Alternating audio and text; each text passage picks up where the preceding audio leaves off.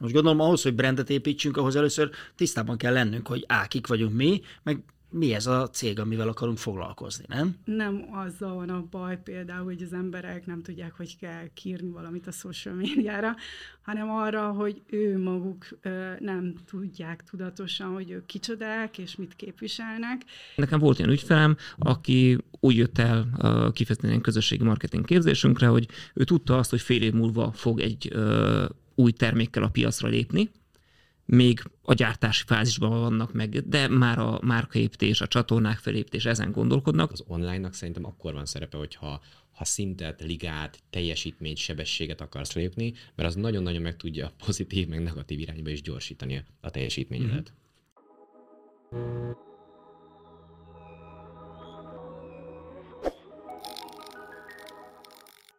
Sziasztok, ez a Fórum, a Business Flow 8 üzleti közösség vállalkozásfejlesztési podcastja, amelyben olyan témákról beszélünk, amelyek minden vállalkozót érdekel, vagy kell, hogy érdekeljen. Én Gundel Takács Gábor vagyok.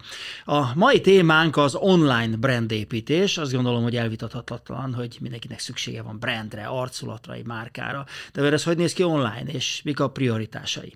Erről fogunk beszélgetni a mai vendégeimmel. Csábi Boróka, igazi brandépítő, a Te vagy a brand alapítója. Célja, hogy útvonalat adjon a sikeres márkaépítéshez, inspirálja az embereket, hogy felvállalják magukat, és a márkájukon keresztül értéket teremtve kommunikáljanak. Lévai Rihárd, online marketing szakértő, a Lift Up Kft. ügyvezetője és egyik tulajdonosa. Célja, hogy ügyfelei szemében üzleti eredményeket szállító közösségi marketing specialista legyen. Hiszi, hogy az önazonos online kommunikációval csodákat lehet elérni és Baranyai Dávid, értékesítési szakértő, a Cardin Move digitális névjegykártya megálmodója és tulajdonosa. Hisz az új innovatív megoldásokban célja, hogy támogassa a vállalkozókat a lebilincselő első benyomás megteremtésében. Azt gondolom, hogy minden vállalkozó a legkezdőbb is ismeri azt a varázsigét, hogy hát brandet kell építeni, arculat, márka, fú. Na jó, de most akkor ez most mi is, vagy hogy, vagy mikor kezdjük, vagy mivel kezdjünk, vagy hogy ott van egy kezdő vállalkozó. Mikor kezdjen el foglalkozni a saját arculatával? Egy nagy sóhaj. Boróka, tessék. Gondoltam, hogy ja, legyen a hölgyeké az elsőség. Mikor kezdjen el brandet építeni? Nyilván nem kötelező mindig mindenkinek brandet építeni, tehát nekem van egy jó személyes példám, nekem van egy szalonom, ami egy üzlethelyiség, én annak nem építek brandet, az egy kereskedelmi egység, és gyakorlatilag marketing értékesítés van. Még a másik vállalkozásom a Te vagy a brand, ugye, ami a marketing piacán eh, próbál nevet szerezni magának, ott elkerülhetetlen a brandépítés. Tehát az, hogy egyáltalán egyáltalán mikor kezdjünk, nyilván attól is függ, hogy lehet, hogy a szalonomnak egy nap építek brandet, mert franchise csinálok belőle, tehát nem az van, hogy ezt így kell eldönteni, hanem az üzleti céljainkhoz is kell hangolni. Ugye egy brand rendkívül sokat tud hozzáadni szerintem az üzleti sikereinkhez, úgyhogy én javasolnám, az első naptól brandet építeni, hiszen egy hatalmas löketet, energiát tud még oda tenni, de nem biztos, hogy vagyunk annyira tudatosak már a vállalkozásunkban, hogy mondjuk tudjuk pontosan mit akarunk, és lehet, hogy kell egy kis kísérletezési időt adni, mire azt mondjuk, hogy na jó, akkor most ez lesz a brandünk. Kicsit provokatív volt a kérdésem egyébként, mert az az, az érzésem, hogy, egy, hogy vannak emberek, akik hú, belevágjunk, vállalkozzunk, de igazából még a saját identitásával sincs Igen. feltétlenül tisztában. De most gondolom ahhoz, hogy brandet építsünk, ahhoz először tisztában kell lennünk, hogy á, kik vagyunk mi, meg mi ez a cég, amivel akarunk foglalkozni, nem? De most legyünk őszinték, igen, a tankönyv példa az az, hogy akkor identitás, pozíció, márkaépítés, és megvannak ennek a módszerei, de azért a, a vállalkozóknak a most nem tudom, 90%-a azért nem így csinálja, hanem én értek a visszareléshez, a fodrászathoz, a valamihez, és akkor ebből akarok megélni, mert azt gondolom, hogy ebből jó vagyok, és aztán majd, amikor elkezd fejlődni, egy idő után sokan hát vagy eljutnak, vagy nem, de előbb-utóbb azért sokan találkoznak ezzel a gondolattal, hogy akkor kéne ezt egy kicsit komolyabban csinálni, hogy valahogy megkülönböztessem magam a uh-huh. másoktól. Persze van, aki azzal kezd, hogy elkezd valami kis Muricka logót rajzolgatni, és akkor azt majd kinyomtatja a névjegykártyára, autóra, üzlethelyiségről, ugye attól függ, hogy milyen bizniszről van szó, és akkor ez már való ennek a, a, a tudatosságnak kezdete, de ez is nem igazán tudatosság, hanem mert ez van a szomszédnak is, és akkor a uh-huh. szomszéd csőszerelőnek is egy csőfogó a logója, akkor nekem is ez lesz csak pirosban a kék helyett. Tehát uh-huh. körülbelül ez így indul nagyon sok esetben. Szerintem egyébként ezzel nincsen semmi baj, hogyha most én egyedül csinálom, és majd úgyis a, az ismerősökön keresztül, egy-két, nem tudom, Google hirdetésen keresztül, meg, meg helyi újság, szórlap, behozom majd az embereket, akkor lehet, hogy ez, ez elegendő. De hogyha rögtön azzal indulok, hogy na most nekem van 15 alkalmazottam, meg kettő üzlethelyiségem, meg a megfelelő rezsia, stb., akkor azért nem lehet ugyanígy nekiállni. Akkor jó, hogyha a márkának ezek az alapeleimei is már így tisztában vannak, és akkor lehet, hogy sokkal gyorsabban be fog indulni a többi dolog is. Uh-huh. Én, mivel szélszeseket tanítok, én egyetértek Boróval, hogy már az első pillanattól érdemes építeni a brandet, és szerintem a brand az épül is. Eh, azzal, hogyha csináljuk a tevékenységünket, ami azt jelenti, hogy szólunk a piacnak, hogy mi létezünk, az adott termék vagy szolgáltatás. És amikor én elkezdtem ezt az egész vállalkozós szakmát, akkor szembesültem vele, hogy a brand az nem egy a logóval, hogy ha van egy logóm, akkor brandem van. Az öt érintési vagy az öt érzékszervünkön bármilyen információ bekerül hozzám, és van egy tapasztalásom, és azt összekötöm azzal a termékkel vagy márkával, amivel foglalkozok, akkor az ügyfélnek a fejében elkezd kialakulni egy valamilyen élmény, hogy az mennyire jó az ő számára, vagy nem. És hogyha ezt magas szintre tudom emelni, hogy egyszerűen lelkesednek az én cuccomért, akkor egy tök jó brandem van, de uh-huh. ez a brand lehet tök rossz is, hogy úristen, hallottad, de nem tudom melyik céget, az Jézusom, hát na annak egy rossz brandje van. De ha nincs branded, az is, az is brand. Hogy mindenképpen nincs van branded. branded. Igen. igen. Branded mindenképpen van. Lehet, hogy az a vagy... brandet, hogy igen, a, tehát lehet negatív brand, lehet negatív márkád, negatív arculatod is, rossz arculatod is. Egyetértek. Nem? Igen, Köztegi Andrástól tanultam ezt egyébként, remélem hallgatja, hogy megkülönböztetjük az imást és a brandet. Na. Ugye az imázs, az gondolj vissza a régi osztálytársaidra. Ugye volt a Stréber, volt a nőcsábász, meg a tanárok kedvence, meg a sportos. Tehát ez az imázs, amikor visszaemlékezel mondjuk a régi osztálytársaidra, vagy ők visszaemlékeznek rád, és valami kép van a fejükben rólad. Ez nem egy feltétlen tudatosan kialakított kép tehát uh-huh. a mhm. strében nem épített Inkább az, hogy mások mit gondolnak igen, rólad. Uh-huh. Igen, és a brand ugye definíció szerint már egy tudatos építkezés, amikor szakértőnek pozícionáljuk magunkat egy területen, és ezáltal befolyást eh, szerzünk azon a területen, és itt a, tehát a brand építésből már nem eh, maradhat ki a tudatosság. Nekem van egy mondatom, hogy amíg a fejedben nincs rend, addig nem lesz brand. Tehát, mm. mert különben nyilván megérkezel, de az nem egy általad irányított dolog. Itt arra, ér, arra gondolsz, amit próbálkoztam mondani, hogy Igen. amíg te magadról Igen. nem tudod, amíg az identitásod nincs meg, azaz nincs rend a fejedben, addig Igen. nincs brand. Így van. Uh-huh. Ezzel foglalkozok én nagyon mostanában. Uh-huh. Mert uh, ugye úgy kezdtem a karrieremet, hogy elkezdtem az embereket tanítani, hogy a közösségi médián hogy kell kommunikálni. És hát jó, akkor mit posztoljak? Hát hogy, hogy mit posztoljak? Hát a szakértelmedet, a izé. Hát, jó, de nem tudom. Hát de mi a szakértelmet? Hát nem tudom. Szóval, uh-huh. hogy, hogy rájöttem, hogy nem azzal van a baj például, hogy az emberek nem tudják, hogy kell kírni valamit a social médiára, hanem arra, hogy ő maguk nem tudják tudatosan, hogy ők kicsodák, és mit képviselnek, és én elkezdtem így egyre mélyebbre menni, úgymond az én márkaépítésben, és most már olyan tréningeket fejlesztettem ki, ami így az alapjaitól kezdi, hogy talált ki magad, mik az erősségeid, mi az értékrend, amit képviselni szeretnél, hogyan lesz ebből biznisz, és idáig visszamenni, mert az utóbbi négy-öt évben az ügyfeleimnél azt figyeltem meg, hogy sose az hozta meg az áttörést a brandjükbe, most az én márkáról beszélek, ugye, hogy megtanítottam nekik a TikTokot, hanem az hozta meg, hogy kattan náluk, hogy ja, hogy én ebbe vagyok jó, nekem erről kell kommunikálni, én ezt akarom képviselni, én ebbe akarok beleállni. Uh-huh. És utána az, az, azok, hogy már hogy kattingatod össze, meg rakod össze, az, az, az, az annyira eltörpül uh-huh. már, igen. Uh-huh. Kicsit azt hiszem, hogy ez hogy ez az, valaki azt mondta, hogy vannak a vállalkozók, meg vannak azok, akik alkalmazottak a saját vállalkozásukban. Igen. Tehát a fodrász, aki csinál egy vállalkozást, de nem vállalkozó, ő fodrász. És akkor is fodrász lenne, hogyha egy szövetkezetbe dolgozna. Tehát magyarán szóval nem tud vállalkozó fejjel gondolkozni, fodrász fejjel gondolkozik, és csak az a probléma, hogy vállalkozónak is kéne lenni. Csak ez egy másik szakma, nem? Én totál egyetértek. Uh-huh. Tehát annak idején, amikor, ha magamhoz ragadhatom a szót, amikor én azt mondtam, hogy szélszesből sales trainer leszek, és aztán meg elkezdtem vállalkozást építeni, akkor ugyanaz a fodrász voltam, aki dolgozik a vállalkozásában, de nem a vállalkozásán.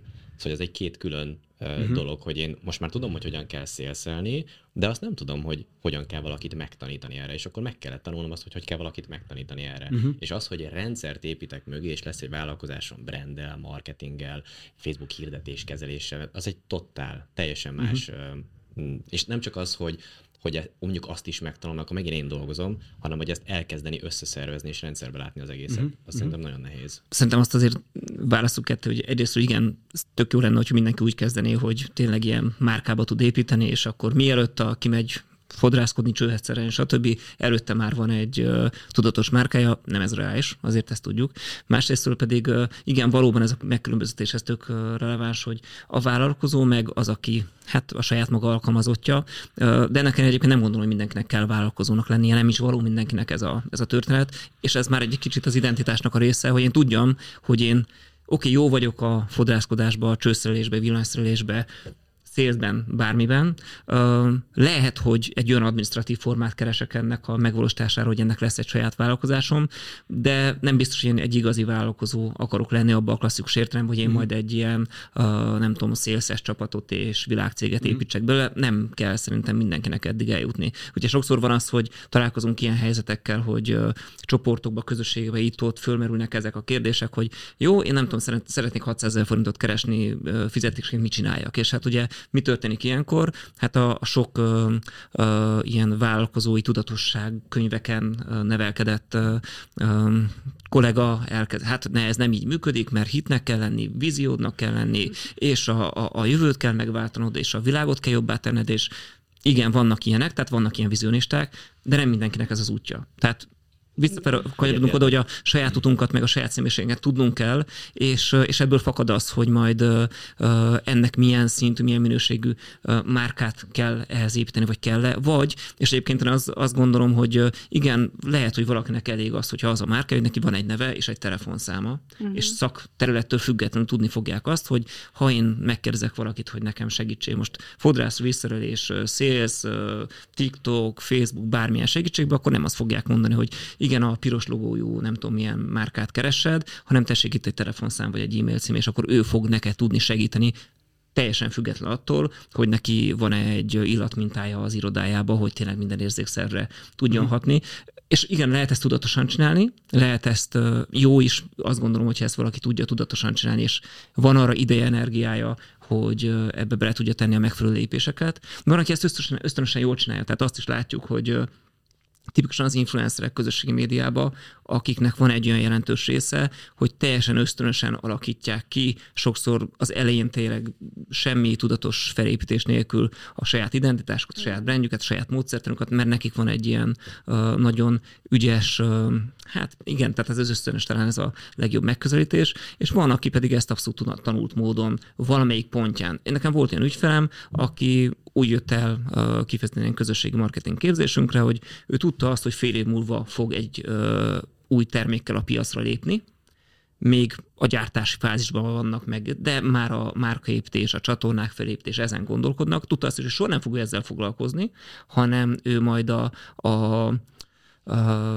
megfelelő csapatokat, ügynökségeket uh-huh. fogja vezérelni, illetve neki fogja kiadni ezt az egészet, de már jóval azelőtt, hogy nem is lehet, nem, nem is fél évvel, talán több mint egy évvel egyáltalán a piac lépés előtt volt, de már ilyen tudatosan építette föl, ma az egyik legnagyobb uh, ilyen üdítőital márkait a magyar piacon, mert ennyire korán beleállt a, a sztoriba és ez tök jól működött neki, ez meg volt a tudatosság, az erőforrása, és egy szakértői szemlélettel, vállalkozói szakértői szemlélettel felépítette ezt a történetet. Nem mindenkinek ez az útja, azt gondolom. Tehát ezt mindenkinek meg kell Nem, hát ez nyilvánvalóan a profi vállalkozó. Abszolút. Ugye akkor, ha maradtunk ennél a fodrász példánál, ugye a, hiába fodrász és hiába alkalmazott a saját vállalkozásban, muszáj valamilyen szinten vállalkozóvá válni, hiszen mitől lesznek ügyfelei, ugye miből lesz a bevétele, tehát valamilyen szinten már muszáj, mi lesz kiírva a portára, egyetem miért fognak bejönni az emberek, megnézte, hogy a szomszéd utcában nincsen még két fodrász, tehát muszáj, muszáj megtanulni, és ugye az, hogyha brandet építek, az valóban nem a logóval kezdődik, hanem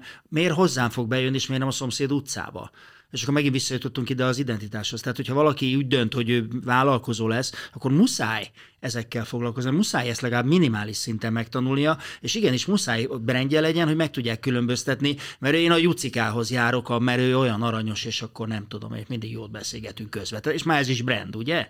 Sőt, egy kicsit annyival tovább mennék, hogy nem csak vállalkozóknak kell, hogy legyen brandje, sokszor alkalmazottaknak is jó, hogyha megvan az a személyes márkája, amelyikkel akár a cégen belül, vagy az iparágon belül úgy tud megjelenni. Nekünk van például egy olyan uh, képzésünk, InfluExpert nevet kapta ez a, a kerességbe, ugye az influencer és az expert szavakból rendkívül bonyolult módon ez összerakva, mert hogy uh, ugye ezt vettük észre, hogy, hogy nagyon sok olyan uh, szereplő van a magyar piacon, jellemzően nagyvállalatoknál is, akik konferenciákra járnak adott esetben podcasteket, megkérdezik őket újságírók, stb. stb. Tehát ők szakértőként már nem csak egy cégnek egy szakértő, hanem elkezd nekik kialakulni egy olyan személyes márkájuk, amivel egyrészt nekik is, saját magunknak is jót tesznek, hogyha ezt tudatosan gondozzák, másrészt pedig annak a márkának, akik, akit képviselnek, szintén jót tesznek ezzel. És úgyhogy ha, ha brandről beszélünk, akkor igen, van a személyes márka, amit egy vállalkozó csinál, vagy nem csinál adott esetben, de ugyanúgy adott esetben cégeken belül lehet akár most nem kell multikra gondolni egyébként, hiszen, hiszen gyakran uh, ilyen KKV-ban is van az, hogy a tulajdonoson kívül, vagy akár tőle függetlenül is van két-három-négy olyan kollega, aki megjelenik a cégnek a képviseletébe, aki megjelenik a cégnek a kommunikációba, marketingébe, különböző közösségi média elemeiben. Ki az arca a cég. Így van, akik egyfajta arcként is uh-huh. elkezdhetnek adott esetben uh, megjelenni. Az országos mentőszolgálatnak ki a vezetője? Fogalmad nincs. Nem. Egy Györfi Pál az arca, hát, nem? Abszolút. Azt mindenki tudja. Tehát Így van, és, és sok ilyen, ilyen van különböző méretű cégeknél, úgyhogy amikor, ha, bár, ha márkáról beszélünk, akkor már a személyes márkának is nagyon izgalmas, hogy milyen sok aspektusa van, és hogy hát a céges márkák azok hmm. még ezt azért tudják színesíteni rendesen. Most az azért is érdekes, hogy ezt így kinyitottad, mert valójában akkor ugye arról van szó, hogy szokták mondani, hogy nincsenek nélkülözhetetlen emberek. De vannak nehezen, meg vannak könnyen nélkülözhető emberek. A brand, és ez legyen személyes vagy vállalkozási brand, ezek szerint arról szól, hogy én miért vagyok számodra nehezen nélkülözhető. Miért hozzám gyere, miért tőlem vásárolj, miért velem vágasd a hajad, és miért nem a másikkal. A brand ezek szerint arról szól, hogy miért vagyok én a te megoldásod? Miért engem válasz?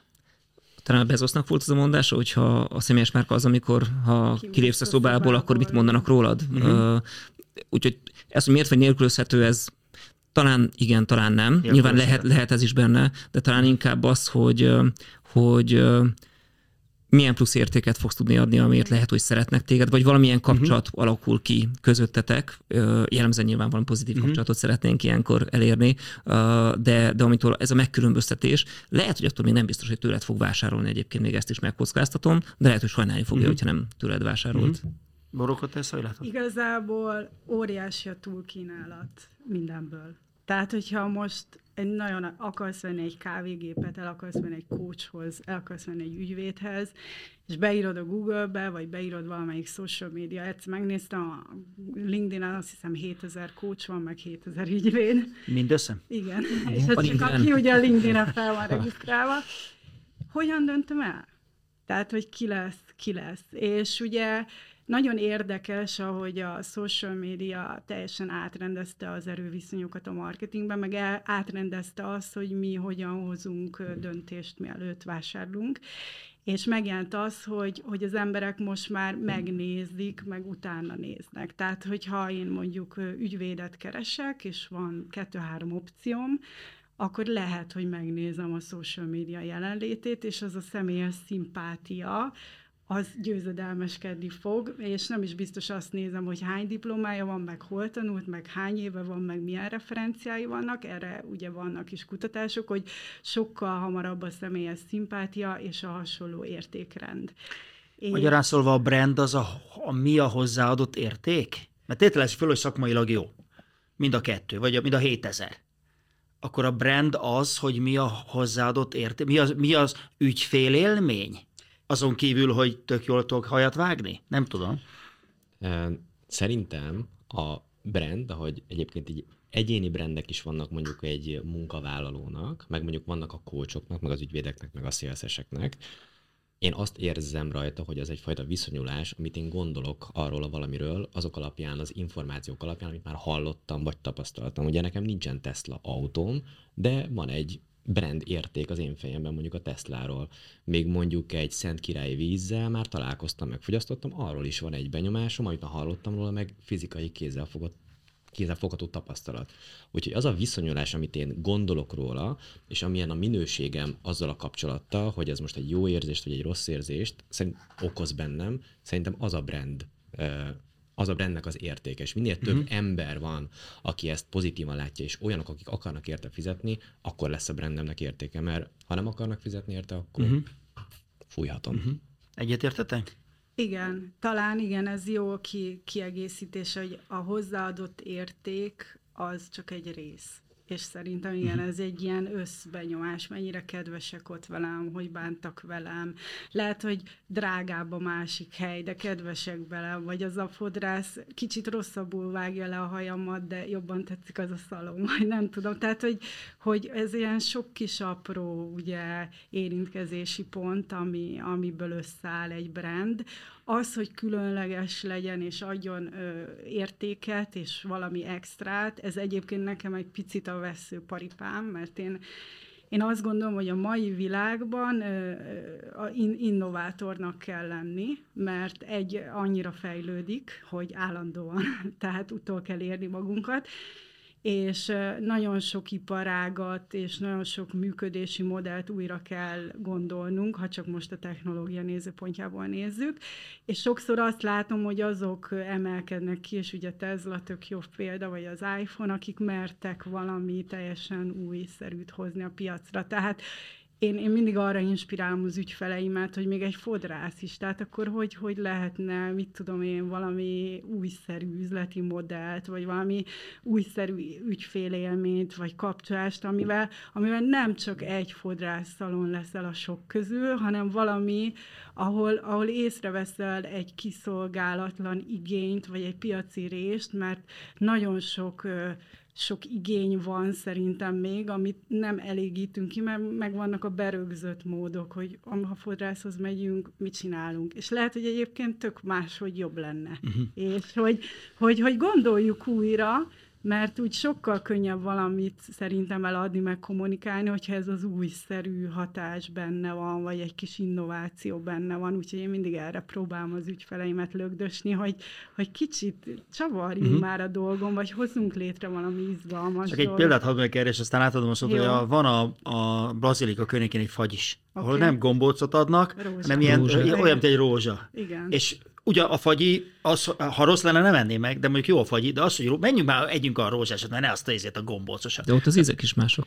És a finom a fagyi, igen, de igen. csak azért, mert, és, fotó, mind, ja, és a, aki először van ott, az mindenki először lefotózza a fagyját, és csak utána kezdi el elfogyasztani. Bocsáss meg, Dávid. Igen, oda akartam kiukadni, hogy ez a brandépítés szerintem egy nagyon fontos dolog, de az egyik barátomtól van ez a mondás, hogy ha annyi pénzed sincs, hogy gyalog menj haza, akkor is, akkor is tudod építeni a brandet, mert hogy az ügyfelekkel való közvetlen kapcsolat mondjuk egy, egy fodrászat, vagy egy, mondjuk egy étteremben, hogyha jó a pincér, jó a poénja, kedves, elegáns, ha nem annyira olyan középszerű a kaj, akkor is egy jó élmény generálódott bennem. Tehát az, hogy az ügyfélnek én egy jó élményt akarok adni, és tényleg nagyon odafigyelek rá, az ilyen szájhagyomány útján is tudja vinni az én brandemet, és lehet, hogy most szélszes vagyok és hazabeszélek, de hogy ez nekem mindig működött, hogyha ha tényleg a nulláról kezdtem, és volt már egy párszor ilyen, akkor akkor egész egyszerűen az el tudta kezdeni építeni a brandemet, még akkor is, hogyha csak egy telefonszámom volt, meg egy De ez az a bizonyos hozzáadott érték, nem? Ez az az ügyfél élmény, ami kell. Tehát nem elég, hogy jó a, a vacsora, legyen olyan a hely. Most milyenbe menjünk a, a Japánba, vagy a Kalózba, vagy a nem tudom, te milyen hangulatot szeretnél. Tehát a, a, nem csak a, a, a főételt veszed meg, hanem a hangulatot, az érzést, a feelinget, amihez nyilván ez, ez hozzá tartozik. És hát amit mondtál egyébként, ugye amit alapvetően a, majd a, a, rátérünk az online rendépítésre is, de valójában ez a, ez a szájhagyomány, hogy ezt átadják, oda menjél el, és elmész olyan étterembe is egyébként, ami a város túlsó felén van, de csak ott csinálnak olyan marhapofát, vagy mit most mondtam valamit, akkor az egy nagyon erős brand élmény. egyetértek. Mm. Én egy picit azért csak visszakanyarodnék oda, hogy mindenkinek a saját maga élménye az, hogy engem észrevesznek, hogy velem foglalkoznak, neki az a legkedvesebb is. Hogyha, Igen. hogyha uh-huh. ha, ha, ez nincs meg, akkor olyan, hát jó volt, akkor de könnyen lecserélem. Még Egy, egyébként ugye Ricsi mondta az ösztönös brandépítőket, mert tényleg vannak ösztönös brandépítők. Nekem erre az az elméletem, hogy aki karakter, tehát alapvetően tudatos egyéniség, és tudja, mit akar, és van elképzelése, az brandet épít. tehát, mert akkor mész a magad fejed után, az én fodrászatom ilyen lesz, így fog kinézni, mert szerintem ez a jó. Na, ez a brand. És ugye nem mindenki ilyen tudatos, van, aki csak így elkezdi összepakolni a vállalkozását, és akkor így így, így valami ott formálódik, és hogyan lehet egy ilyen ösztönös brandet, egy tudatos brandé tenni. Most van egy tök jó példám erre, hogy ugye a szalonomat már az előbb említettem, és az időpont foglaló rendszerbe találtam 95 értékelést, amit nem vettem észre, mert ott nem tudtam, hogy ott jönnek be ilyen értékelések. és online, az online brandépítésre kanyarodtunk valami, rá, igen. Valamilyen, ilyen, valahol valami linkről ott, ott meghagyták az időpont foglaló rendszerbe ezeket, és és én megtaláltam, és, és annyira érdekes volt, hogy mind ugyanazt mondta. És azt mondták, hogy nagyon-nagyon kedvesek itt az emberek, ez benne volt legalább 10-15-ben, hmm. tisztaság van, nagyon jól elmagyaráznak itt mindent, és itt nagyon jól érzik magukat. És nagyon érdekes volt, hogy ott volt ö, egy rakás értékelés, és mind ugyanazt mondta. Uh-huh. Az Na, már és ez a brand. Tehát ez nem egy tudatos brand volt, egy ösztönös brand volt, hogy tisztaság van nálunk, kedvesek vagyunk, meg odafigyelünk, hogy mindent elmagyarázzunk, és ez lett a brandünk. És most ez fordítható át egy tudatos brandépítésbe, hogy mi leszünk az a szalon, ahol baromi kedvesek, ahol baromira elmagyaráznak mindent, és higiénia és tisztaság van. Tehát, hogyha elkezded csak összegyűjteni azt, hogy az ügyfeleid mit mondanak rólad, ugye, amit mondtál, hogy amikor kimész a szobából, uh-huh és ezt elkezded akkor, jó, hát akkor nekünk ez a brandünk, és ezt elkezded átfordítani egy tudatosan, hogy jó, akkor most már az új lány is legyen kedves, mert ez a kedves szalon, akkor, akkor, akkor lesz egy, egy, egy, egy brand. Úgyhogy talán így lehet egy ösztönös brandépítésből egy tudatos. Mit gondolsz, Ricsi? Azt gondolom, hogy nyilván az ilyen ügyfélvisszajelzők, ezek nagyon jó kiindulási alapok, hogy, hogy sok irányba elmenjünk. Talán ez még egy, egy brandhez kevés, bár nyilván a brandnek az egyik része az biztos, hogy az, hogy mi alakul ki arról a márkáról, Igen. tök mindegy, hogy személyes márkáról vagy céges márkáról, hogy mi alakul ki az ügyfelekből, ő bennük hogyan csapódnak le, mi lesz az, ami a kötődés alapját biztosítja. De nyilván akkor, hogyha van még másik tíz szalon, aki ugyanolyan kedves, ugyanolyan tiszta, ugyanolyan kultúrás, stb., akkor, akkor ez még kevés lesz a megkülönböztetéshez, tehát valószínűleg ehhez azért még kell valami dolgokat hozzápakolni, de valóban mi az, ami kialakul. De azzal viszont, amit korábban mondta, csak hogy ez visszacsatolják, ez az innovátorok, ez egy ilyen nagyon érdekes kérdés, mert Igen. értem, hogy miért mondtad ezt, meg, meg sok tekintetben én is így gondolom, de ez csak egyfajta ügyfélhez Tudom, hogy nem mindenki az. működik. Nyilván ez az én én erre, én ilyen vagyok, és próbálom és az ilyen erre is be, így van. az ügyfeleket, hogy, hogy a, én azt látom, hogy ez, ez tud jó eredményeket hozni. Tudom, hogy nem mindenki innovátor. És, és tudom, nem hogy is nem kell is annak kell, lenni, igen, így van. De... de nekem ez a, úgymond a veszőparipám a brandépítésbe, akkor fogalmazni. Szerintem, mert hogy ennek az innovátor az a, az a megkülönböztethetőségnek igen. az egyik része, vagy a beazonosíthatóságnak tud egy lenni.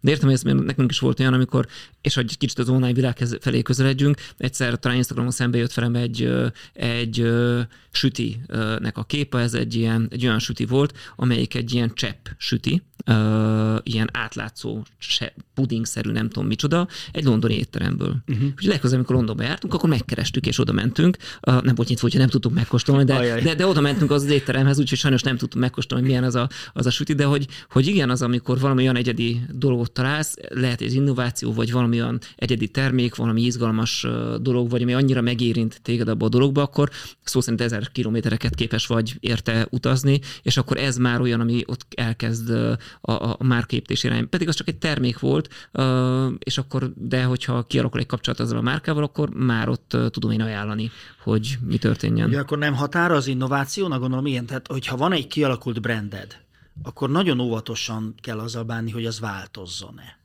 inkább ne változzon, nem? Meg van az a brand, a Coca-Cola-nak ugyanaz a, a Nem. logója, tessék? Nem, hát ezek egy- folyamatosan változnak. Jó, de az abszolút fölismerhető, nem? De nem csak a logó a brand. Értem, Tehát nem csak a logó a értem, brand, értem. a, azért, hogyha Na jó, most akkor beszélünk erről, tessék, hogy mennyire változhat a brand.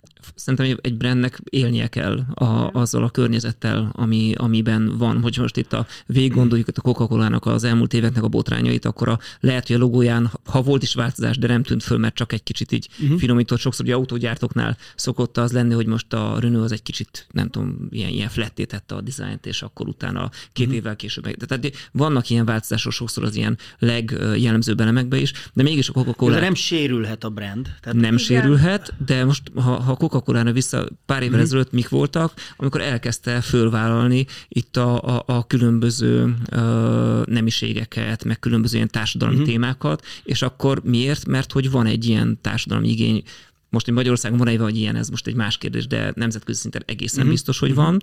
Uh, úgyhogy márkák ilyen téren a kommunikációs részébe biztos, hogy változnak, ezeket elkezdik adott esetben beengedni, vagy, korá- vagy olyan témákat, amik korábban fölvállaltak adott esetben inkább kiengedni, ott a márkaértékek közül és azok közül, amiket felvállalnak, kommunikálnak, amik, tehát hogy együtt kell élnie szerintem ö, egy például egy csomó márkának. behozta a környezettudatosságot. A, így van, ugye most a greenwashingemnek egy másik szerete, de, de igen, tehát, hogy sokkal jobban legalábbis elkezdték kommunikálni, ha esetleg korábban is csinálta. Tehát abszolút ez így van, és hogyha olyan márkáról van szó, akkor ezt tényleg minden, tehát nem csak kirakja a, a kirakatba, hogy én most akkor mostantól környezetudatos vagyok, hanem mondjuk szépen be is mutatja minden szeletébe, Mhm, hogy na most akkor ez mit teszünk meg érte az irodába, vagy éppen a gyártócsarnokba, vagy, vagy akárhol. Tehát, hogy ha ezek végigmennek és hitelesek, akkor ez egy Mhm. tök jó dolog.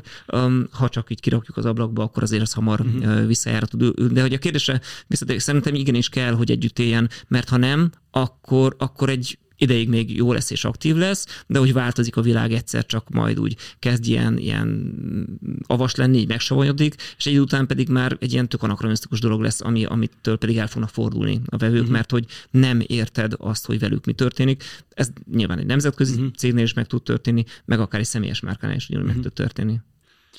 Van De- egy, Igen, Mondja. mondja. bocsánat, csak erre egy kiegészítés, hogy egyszer találtam egy nagyon jó gondolatot, de már ne kérdezzétek, hogy hol, hogy reinvent yourself, but remember your core, tehát, hogy gondold újra magad, de mindig a, az, a kemény magra emlékezz, és lehet, hogy a Walt Disney-vel kapcsolatban hallgattam valamit, hogy ott volt az, hogy ugye Walt Disney lefektette, hogy miről fog szólni ez a, ez a cég, és akkor ott elkezdtek ilyen kicsúszások lenni, és hogy visszatértek. Tehát, hogy a, azok az alapvető értékek, amiket kigondolsz a brandednek, hogy miket akarsz te, és milyen, milyen cég akarsz lenni, azok ö, szerintem nem baj, hogyha állandóak. Sőt, És talán, nem? akkor van egy ilyen felszín, amit nagyon jól fogalmazott meg Ricsi, hogy, hogy azt meg a korhoz kell. Tehát, hogy igen, e- folyamatos pörgés van, másra van igény, más a trend, más megy most, és, és van, van egy ilyen felső réteg a brandnek, amit meg viszont újra kell gondolni. Tehát kell, az, az identitásod, Igen. a, az elveid, a morális alap, a filozófiád az állandó, de egyébként követed a kort Igen. a megoldásaiddal, az arculatoddal, a, az eszközeiddel. Igen, erre Egyetértek. gondoltam. Na, örülök, jó van. Jó. Nehezen tudnánk mondjuk a Coca-Colába ö, bízni, hogyha autót kezdene el gyártani. De mondjuk, ha más üdítőitalt, akkor azt úgy könnyű befogadni.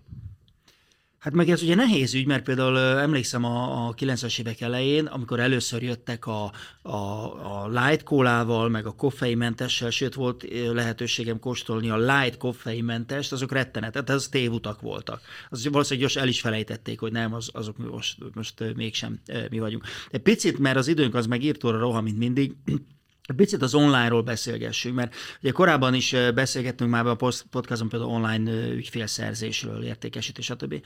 Hogy, és ez mindig egy ilyen, hú, ez muszáj online ott lenni, és akkor abban maradtunk egyébként, hogy egyébként ott kell lenni online. De hogy ez a brandépítésben ez, ez, ö, ez, ez hogy legyen, vagy mennyire legyen, vagy mennyire kell ezt ott megjelenni? Tehát nem tudom, mit gondoltok arról az online brandépítésről?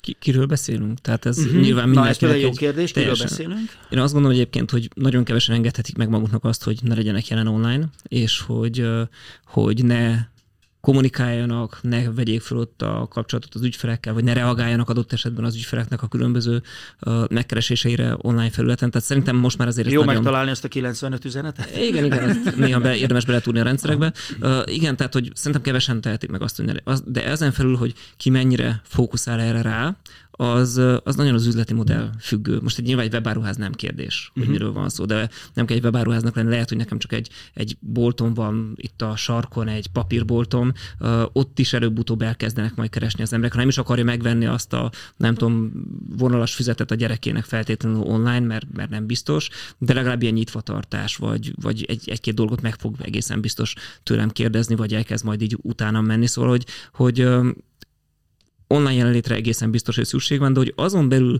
ki melyik eszközöket, felületeket, csatornákat választja és milyen intenzitást, ez meg egészen biztos, hogy minden üzleti modellnél és, és sokszor még így konkurenciáknál is teljesen eltérőnek kell, hogy legyen. Ráadásul ugye még nem szálasztuk szét, hogy mit értünk az online alatt.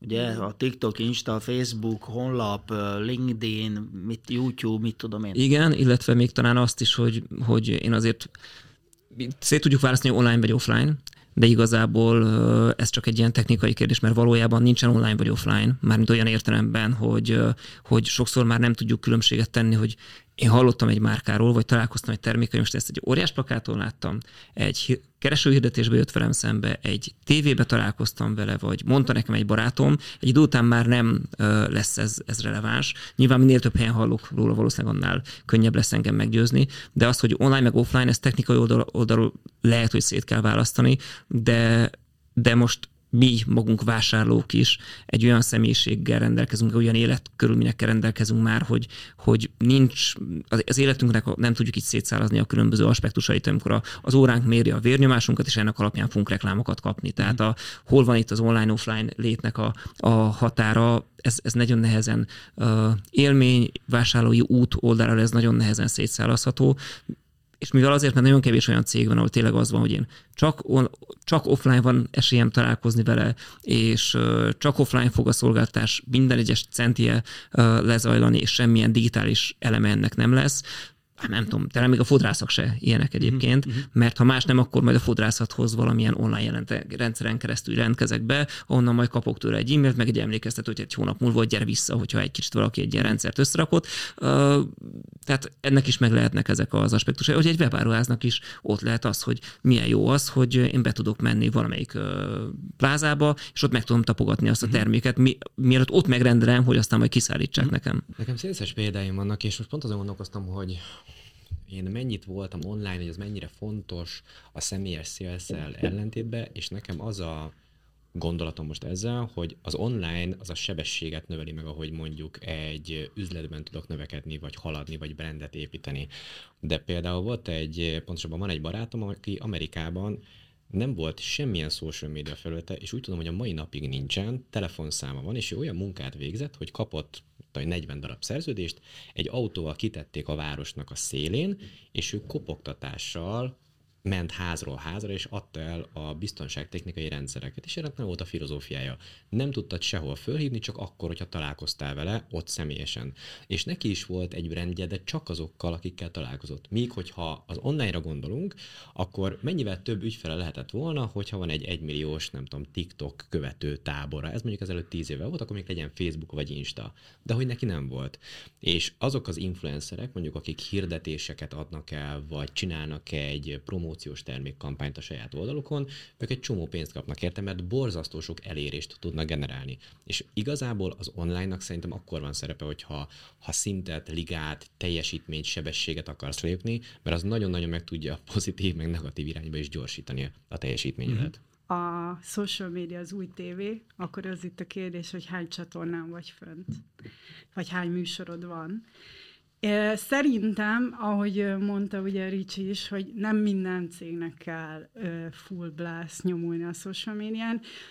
Szerintem érdemes szétválasztani a B2B-t meg a B2C-t. Ugye a B2B-hez marketing szempontból teljesen másképp nyúlunk, más taktikák kellenek, és az olyan vállalkozások, ahol tényleg mondjuk 5-10 ügyfél, 5-10 nagy ügyfélből él a cég, ott például a, Facebook, a Facebookról generálni megkereséseket, ez tényleg olyan, mint a tűt keresni a szénok az alba, tehát ott teljesen uh-huh. más taktikát alkalmazunk. De a B2C-be szerintem, ahogy Ricsi mondta, nagyon ö, nagy luxus ma már azt megengedni, hogy nem vagyunk ott, és, ö, és inkább azt kéne már kérdezni magunktól, hogy miért nem vagyunk ott mindenhol. Tehát már inkább az lenne a helyes Nincs kérdés. időnk, jellemzően igen, ez a válasz, igen. igen. Hát nyilván akkor egy stábbal, és nem, nem egyedül ezt. De de az ideális az lenne, hogyha egy cég tényleg szakszerűen kimaxolná az összes csatornát, ami az ő, ő, ő neki kell, ugye ez, ez más mindenkinél, és e felé dolgozzunk. Tehát, hogy ezt tűzzük ki, és, és én mindig azt tanítom, hogy akkor ezt építsük föl. Tehát, hogy ne az, hogy most akkor tíz helyen kell megjelenni, hanem akkor jelenjünk meg egy helyen, vagy kettőn. Kezdjük el azt jól csinálni, azt építsük ki, és akkor azt nőjük ki, és akkor mondjuk, jó, akkor most elindítjuk az Instánkat, vagy elindítjuk a TikTokunkat, vagy elindítjuk a blogunkat. Tehát, hogy hosszú távon szerintem mindenféleképpen azok nyernek, akiknek több műsora van a tévében, ami az új social média, és e kellene dolgozni, szépen úgy, hogy ez egy élhető, fenntartható dolog legyen így marketing szempontból, és nyilván azzal elkezdeni, ahonnan a legtöbb vissza tud jönni hirtelen. Uh-huh. A, ugye mondtad, hogy titeket például arról az a brandetek, hogy kedvesek vagytok, meg tisztaság van, stb. Igen. Uh, azt gondolom, hogy a platformokról is ennek kell visszajönni. Tehát, Igen. hogyha ez egy az, ennek egy ilyen barátságos, könnyen áttekinthető, letisztult történetnek kell lenni, ami, ami meg egy újabb szakmai probléma, ugye, hogy hogy csináljuk meg a, az online ö, arculatunkat úgy, hogy ez ugyanazt sugározza vissza. Nagyon jó gondolat. Ugye sokszor mondják cégek magukról, hogy mi nagyon inno, innovatívak vagyunk, meg nagyon haladó gondolkodások, és akkor kinyitod a weboldalakat, és akkor ilyen tíz éves weboldal, és ez, ez nem azt tükrözi. Tehát, hogy a brand az tényleg, amit mindent, amit látsz, meg megfogsz, meg érzel. Tehát, hogyha te azt mondod, hogy te egy nagyon innovatív, haladó cég vagy, és valami nagyon különleges cikked van, árucikked van, ami, ami, ami akkor, akkor ha megnyitom a weboldalad, akkor ezt érezzem. Amikor felmegyek a Facebookodra, akkor ezt érezzem, hogy azt a mindenit. Uh-huh. Tehát igen, ő az a virtuális képmásunk, a brandünknek, a social média, és igen, hogyha bunkók vagyunk a Facebookon, de a szalomban meg kedvesek, az, az, nem, az nem brand. Szóval igen, ezeket, ez, az online jelenlétet, a, ezt a virtuális jelenlétet, az teljes mértékben össze kell hangolni minden alapelvel, amit a brand képvisel. Uh-huh. Pár dolgot szerintem én itt egy kicsit én máshogy látok, úgyhogy uh, uh, hát először is a, a, a, azzal egyetértek, hogy a közösségmédiára szükség, furcsa lenne nem ezt mondanám, mivel Persze. most már nem tudom, tizen sok éve ezzel foglalkozok. Meg most is benne vagyunk. meg, meg valahol így, így van. Inkább arra gondolok, hogy inkább az időtáv, amivel egy kicsit így vitatkoznék, mert hogy én azt gondolom, hogy a közösségi médiában tudunk rövid távon nyerni, de ahhoz, hogy hosszú távon tudjunk nyerni, ahhoz saját felületekre van szükség. Most itt az adatvédelme átitatott, itt a privacy marketing, korábban ez százszázalékig így van, hogy saját weboldal, saját e-mail az, az amire uh, mindenkinek szükség lenne, csak lusták vagyunk, és leszoktunk erről az elmúlt nem tudom hány évben, tehát ez egy, ez egy ilyen korsajátosság, de, de hosszú távon szerintem azok uh, fognak nyerni.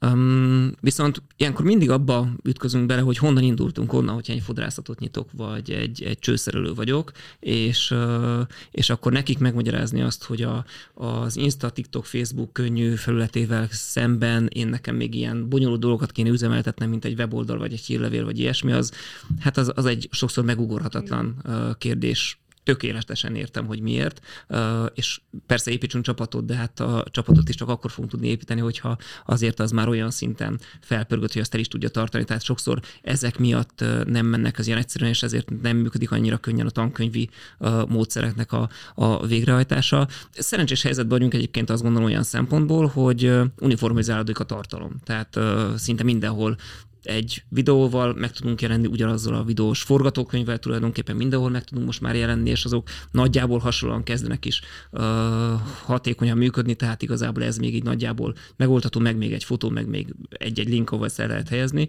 És még azt is egy kicsit azért kiegészítem, hogy oké, okay, B2C, de a B2B oldalon sem feltétlenül elhanyagolhatóak, még akár ezek a módszerek sem. És pont azért érdekes sztori, nem, még csak nem is a LinkedIn, arra gondolok én, mikor is egy 20 pár évvel ezelőtt, amikor ilyen weblapoknak a készítésével kezdtük. És építőipari cégekhez mentünk oda, tervezőirodák, beruházók, stb.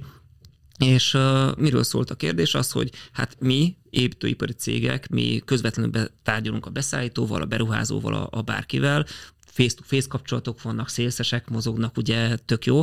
Nekünk nincs szükségünk weboldalra, mert minek? De aztán mindig kiderült az, hogy lehet, hogy a, a, a cégvezető az nem, ő tényleg csak így face-to-face oldotta meg a, a bizniszt, de aztán amikor ott volt az, hogy akkor Juliska keresél már nekem valami, és akkor ott Juliska pedig a Google-be beírta és keresett, és jöttek. Tehát, hogy a, a, a, a döntés támogató szintnek a szerepe egy ilyenkor sem elhanyagolható egyik oldalról. Másik oldalról meg, hogyha ott van ez a, a, a kollega, aki árulja ott a kis, nem tudom, védelemberendezéseket, biztos, hogy nagyon jó értékesítőként elég sok üzletet gyorsan lezár, de biztos, hogy lesz olyan egy-kettő, hova másnap, harmadnap kell visszamennie, hogy akkor eldöntötte de. Na most mit csinál az ügyfél abba a két-három napba?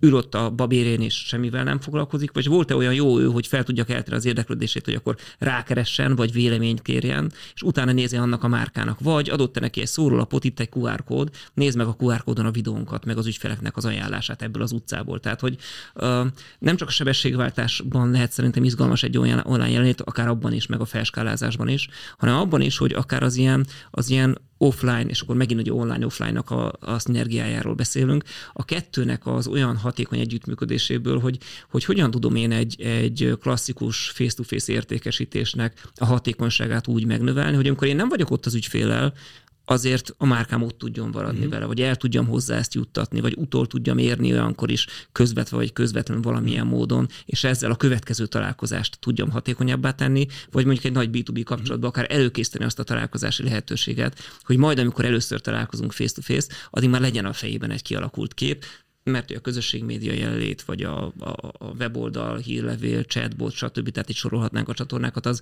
ilyenben is tud segíteni, hogy már az első találkozást meg tudja úgy alapozni, hogy egészen más attitűdjel, attitűdjel ügyünk le. Ráadásul ez indirekt módon is fontos, mert hogyha nincsen social media platformot, ezeknek a szerencsétleneknek még ez sincs. Hát nincs rá pénzük, vagy nincs rá igényes. Tehát még akár vissza is üthet, hogy miért nincs nekik. Van egy generáció, aki már abszolút ezt nézi. Csak ebbe tud gondolkodni. Persze. Uh-huh. Tehát nekem ugye nagyon sok 20 éves munkatársam van, és egész másképp működnek már, mint például én.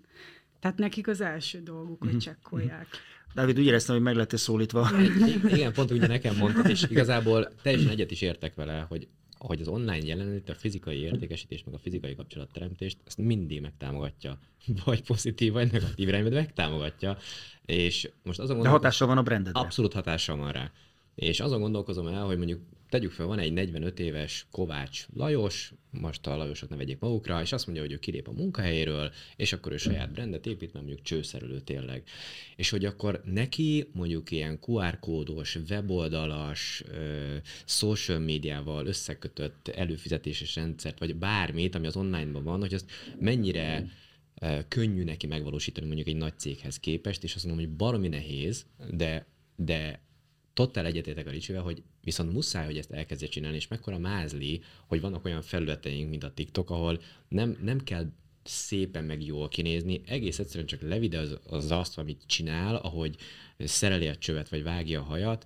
Most valamelyik nap láttam egy olyat, hogy egy srác egy felmosó rongyot tett a fejére, hogy ő magát a női szerepben imitálja, és én közben azt figyeltem magamban, hogy nézem, mert érdekel, hogy mi lesz a vége, hogy ebből mi fog kisülni. És aztán a végén lett valami uh, esemény, nem tudom, hogy ki volt a srác, de hogy az a lényeg, hogy ha ő csőszerelő, fodrász vagy vízvezetékszerelő, teljesen mindegy, hogy egy sima, egyszerű mobiltelefonnal, nulla forinttal, egy regisztrációval el tudja kezdeni építeni a saját brandjét, és szerintem ez óriási. Hát, hogy ez ilyen 15-20 évvel ezelőtt nem volt. Hadd mondjuk erre két uh, történetet. Az egyik az, hogy nekem a kedvenc influencereim TikTokon, Instagramon azok a hideg burkoló influencerek. Igen. Ennek érdemes utána nézni. Igen, igen, igen. Zseniális. Uh, és valóban, uh, tehát akik sokszor azzal kezdenek, hogy jó pofa módon mutatják be, hogy hogyan ragd le a járlapot, meg mitől rossz az a burkolat, meg miért kellett fölölt. Tehát klasszikus. És de utána meg elkezdenek ilyen influencer elemeket is fölvenni, és a, a, a, a nem tudom, a kéziszerszámgyártók már szponzorálják őket, hogy akkor mutassa be azt, hogy az a sarok, tehát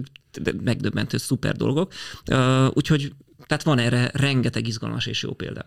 A másik pedig az, hogy, hogy miért érdemes, meg, meg hogyan lehet elkezdeni. Múltkor nálunk pont egy ilyen, egy ilyen csőtörés volt, klasszikus folyik a, a, a víz a lakásodba, meg tudtuk azt oldani, hogy elzártuk a főcsapot, és akkor jön az ember, hogy hogyan keressél olyat, aki megoldást, ugye vagy a Google, és akkor beírod, és akkor ott van a, a hát a ezer forintos kattintásba kerülő ugye hirdetések, vagy pedig a megfelelő Facebook csoport kerületi városi Facebook csoportba beírod.